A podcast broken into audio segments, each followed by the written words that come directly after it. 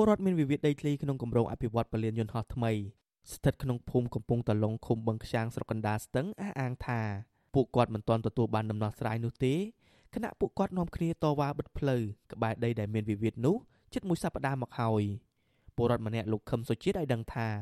អ្នកមានចំនួនដីធ្លីក្រុងនាំគ្នាដាក់ញត្តិសុំអន្តរាគមន៍ពីក្រសួងដែនដីនិងខុទ្ទកាល័យលោកនាយករដ្ឋមន្ត្រីហ៊ុនសែន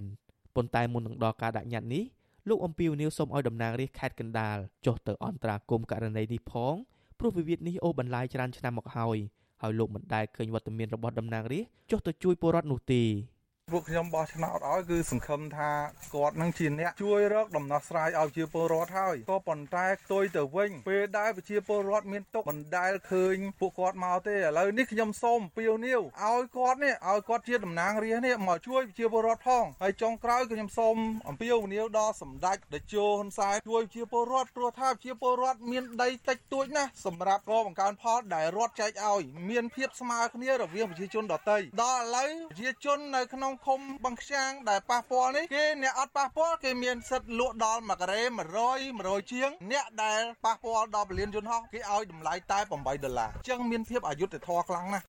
ការស្វាស្វែងរកអន្តរាគមន៍ពីរដ្ឋាភិបាលនិងតំណាងរាស្ត្រនេះធ្វើឡើងក្រោយពេលដែលតំណាងក្រុមហ៊ុនអភិវឌ្ឍពលានយន្តហោះថ្មី OCIC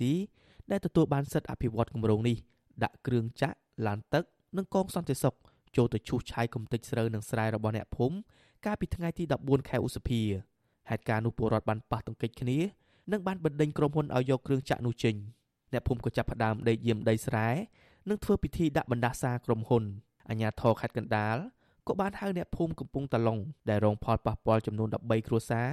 ទៅជួបជជែករកដំណោះស្រាយនៅឯសាលាខេត្តកាលពីថ្ងៃទី17ខែឧសភា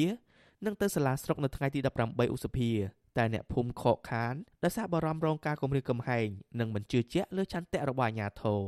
ពាក់ព័ន្ធករណីនេះ វិសុអស៊ីសេរីមិនអាចសុំការបញ្ជាក់ពីតំណាងរាជខេត្តកណ្ដាលអ្នកស្រីខួនសុដារីនិងលោកអុកដាមរីបានទេនៅថ្ងៃទី19ខែឧសភាតែយ៉ាងណាអ្នកនាំពាក្យរដ្ឋសភាឯកបៈលោកលេងពេញឡុងប្រាប់អស៊ីសេរីថាក្នុងករណីត្រូវការពឹងពាក់តំណាងរាស្ត្រពលរដ្ឋអាចដាក់សំណើជាផ្លូវការមករដ្ឋសភាឬអាចទូរស័ព្ទសុំជួបតំណាងរាស្ត្រតាមមណ្ឌលនីមួយៗដោយផ្ទាល់បាន។ នឹងអាចថាលោកនឹងតាក់ទងជាមួយដំណើរនេះនោះទេតតទៅដើម្បីសូមឲ្យគាត់ជួយដល់សែនដល់ទីកន្លែងនេះក៏បានដែរប៉ុន្តែដំណើរនេះជួនកាលគាត់មិនដឹងគាត់អត់ដឹងទេបើគាត់ដឹងគាត់ទៅជួយយូរដល់ស្រ័យបាទនឹងនឹងគឺមានវិធីពីរនឹងដែលអាចធ្វើបានមន្ត្រីសង្គមស៊ីវិល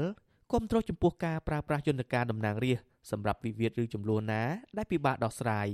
អ្នកអង្កេតនិងសម្របសម្រួលនៃអង្គការ Confrere លោកកនសវាងអះអាងថាពលរដ្ឋមានសិទ្ធិក្នុងការប្រើប្រាស់តំណាងរបស់ខ្លួនដើម្បីទាមទារឲ្យជួយដោះស្រាយវិវាទ ឬបញ្ហានានាជាមួយនឹងអាជ្ញាធររដ្ឋាភិបាលឬក្រុមហ៊ុនឯកជនអ្នកខ្លំមើលរូបនេះបញ្យល់ថាតំណាងរាស្ត្រមិនមានអំណាចក្នុងការដោះស្រាយចំពោះមុខដោយអាជ្ញាធរនោះទេប៉ុន្តែតំណាងរាស្ត្រមានកាតព្វកិច្ចយកសំណើរបស់ពលរដ្ឋសួរនាំទៅរដ្ឋាភិបាលប្រសិនបើការដោះស្រាយកន្លងមកមិនសមស្របដែលនាំឲ្យពលរដ្ឋមិនអាចទទួលយកបានលោកកនសវាងសង្កេតឃើញថាការពីរដ្ឋសភាមានសមាជិកពហុបកមានពលរដ្ឋជាច្រើនបានប្រើប្រាស់យន្តការតំណាងរាស្ត្រនេះនិងមានតំណាងរាស្ត្រខ្លះ បានចុះទៅដល់ទីតាំងនិងក៏ហៅរដ្ឋាភិបាលមកសួរនាំប៉ុន្តែសកម្មភាពនេះ បានថមថយវិញក្នុងអាណត្តិទី6ក្រោយពេលរដ្ឋសភាមានសមាជិកជាឯកបៈតំណាងរាស្ត្រប្រចាំខេត្តរតនគិរីនឹងលោកមានការជែកលើកពំនាំបញ្ហាដោះស្រាយខ្លះដែរនៅខាងរតនគិរីប៉ុន្តែខាងផ្សេងផ្សេងទៀតយើងដូចជាមិនទាន់មើលឃើញអំពីយន្តការការប៉ះតំណាងរាស្ត្រនឹងនៅឡើយទេបាទគឺថាមានទៀតតែវាមិនដូចកាលដែលគេហៅថាសម័យអាណត្តិដែលមានភូបៈហ្នឹងក៏ថាមានបាក់យើងឃើញមានការប្រជែងគ្នាហៅថាដណ្ដើមវិជាប្រយោជន៍ក្នុងការដោះស្រាយបញ្ហាទាំងអស់ហ្នឹងណាបាទ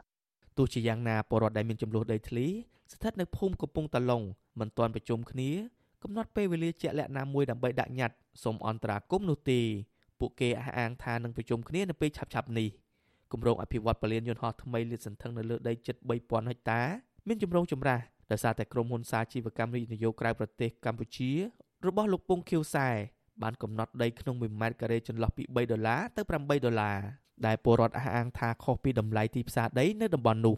អ្នកភូមិកំពង់តឡុងមិនព្រមទទួលយកតម្លៃនេះទេព្រោះទាបខ្លាំងពេកនិងមិនអាចរកទិញដីមកធ្វើស្រែវិញបានទេពួកគេអះអាងថាអ្នកភូមិមិនដែលជំទាស់នឹងការអភិវឌ្ឍទេតែអ្នកភូមិទទូចឲ្យក្រុមហ៊ុនផ្ដោតតម្លៃដី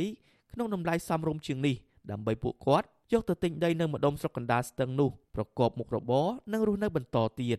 ខ្ញុំបាទចិត្តចំណានអាស៊ីសេរីពីរដ្ឋធានី Washington